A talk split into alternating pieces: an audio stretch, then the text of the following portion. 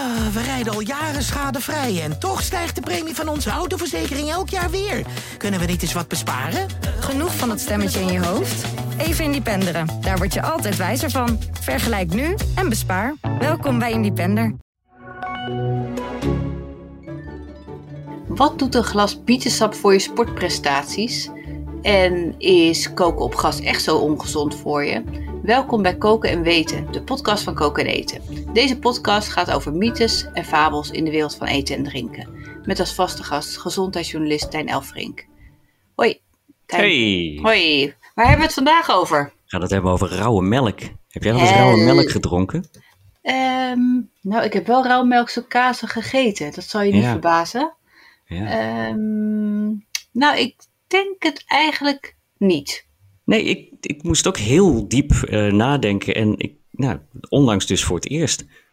Ik was in eh, Drenthe bij een, eh, ja, een, een melkveehouder. En die had een soort melktap langs, eh, de, langs de weg staan. Oh ja, daar kun heb je ik wel eens van voor, gehoord. Ja, ja, voor, voor 10 cent een bekertje melk of voor een euro een, een fles. leuk. En het grappige is, je moet die fles dus zelf meenemen. Je moet het Mhm. bekertje ook zelf meenemen. Want je mag het niet verpakt verkopen. En er moet ook heel groot bij staan. Dat stond er ook echt in. Koeienletters, Ah, voor gebruik koken. Dat heb ik natuurlijk niet gedaan.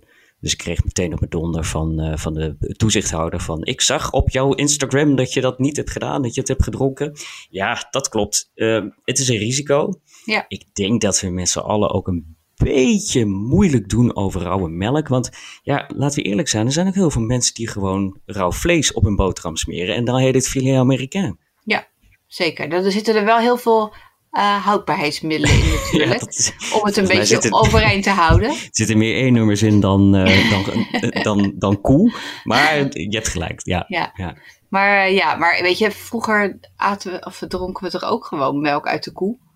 Ja, dat is op zich wel lang geleden. Want? Mhm. pasteuriseren doen we al eh, best een tijdje. En ja, er zijn veel mensen die dat toch niet weten. Dat de melk die dus koel verkocht wordt in de supermarkt, in het Mhm. koelschap.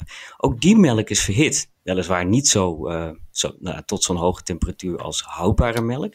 Dus die, eh, ja, die, die verse melk, die ja, verhitten we tot een graad of 70, net iets meer. Mhm. En houdbare melk wordt verhit tot ja, 138 graden.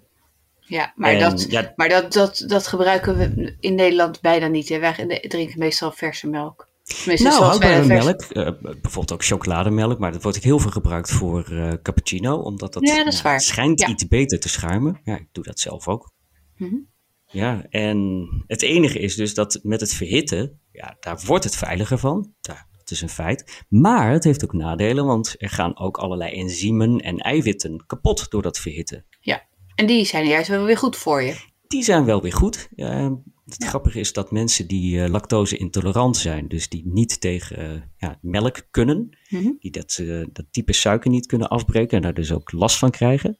Er zijn mensen die lactose intolerant zijn, die wel tegen rauwe melk kunnen. En Hoe ja, de kan gedachte is dan? dus ja, dat dat met die enzymen te maken heeft, dat dat ja, dat je lichaam dat dan opeens wel kan, eh, kan afbreken. En lactose-intolerantie is niet een kwestie van eh, je kunt het wel of niet. Het is per persoon eh, ja, wisselt dat. Verschillend, Dus ja. ja, de een krijgt last van een, een, een klein beetje melk, de ander van een glas. En de ander krijgt weer last van, nou ja, twee liter yoghurt, ik noem maar wat. Ja, of rode wijn.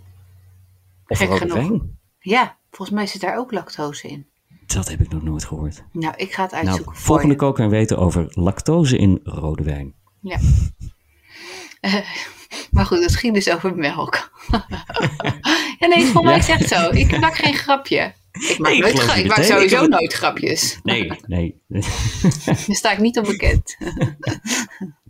ik heb er nog nooit van gehoord, dus ik vind het wel interessant. Lactose in rode wijn. Maar goed, rauwe melk inderdaad, ja. Ja, je bent een van je apropos. Ik ik hoor het al. van mijn, eh, van mijn rauwe apropos, inderdaad.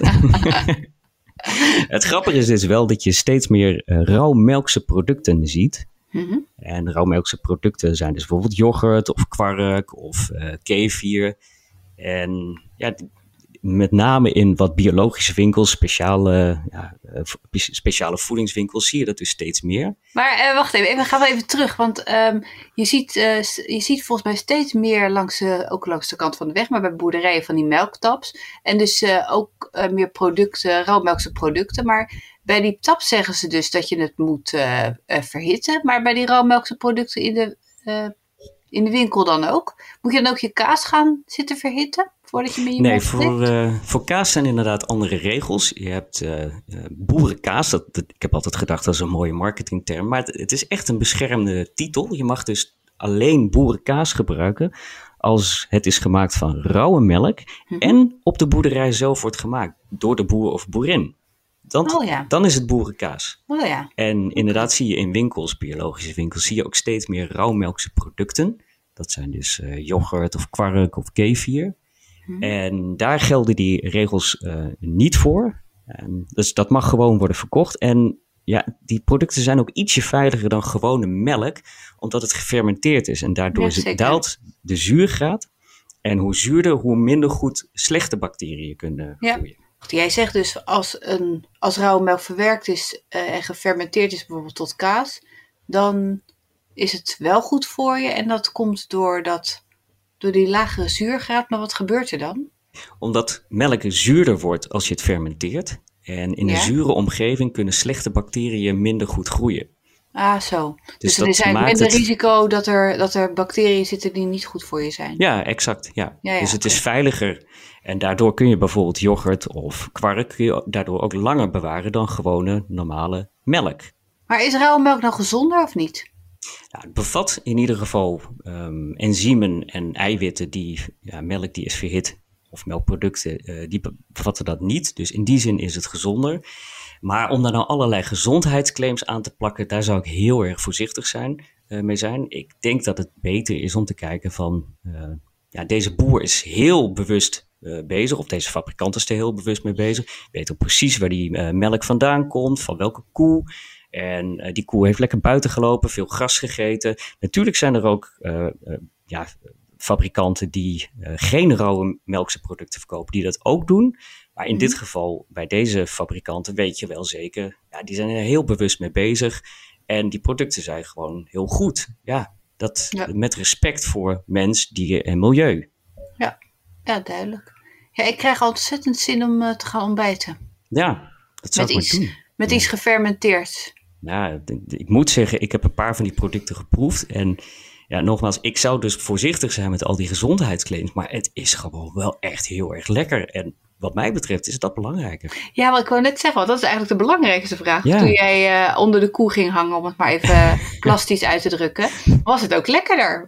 Vond je het lekkerder dan melk uit de supermarkt? Ja, het is echt romiger. Hmm. En ja, het is wel, ja, ik zou zeker zeggen van uh, probeer het eens. Als je goede gezondheid hebt, pas dus wel ja, op, net als met, uh, met rauw vlees. Ja, bijvoorbeeld als je zwanger bent, dan zou ik het niet aanraden. Maar ja, heb je goede gezondheid en wil je het een keer proberen, ja, wees er ook niet te bang voor. Nee, ik ga dat doen. Ik ga kijken waar een melktap bij mij in de buurt is. Er zijn er echt iets van, van tientallen verspreid door Nederland. Ja, dus, uh, ja. Googelen. Hartstikke leuk. Nou, dankjewel voor je uitleg. Yes, tot volgende keer. Joe, dankjewel. Doeg. We worden dagelijks overladen met overbodige informatie. En het is moeilijk de zin van de onzin te scheiden. Daarom vertrouw ik op echte journalisten in plaats van meningen. Een krantenmens heeft het gemakkelijk. Word ook een krantenmens en lees je favoriete krant nu tot al zes weken gratis. Ga snel naar krant.nl. Bezorging stopt automatisch en op deze actie zijn actievoorwaarden van toepassing.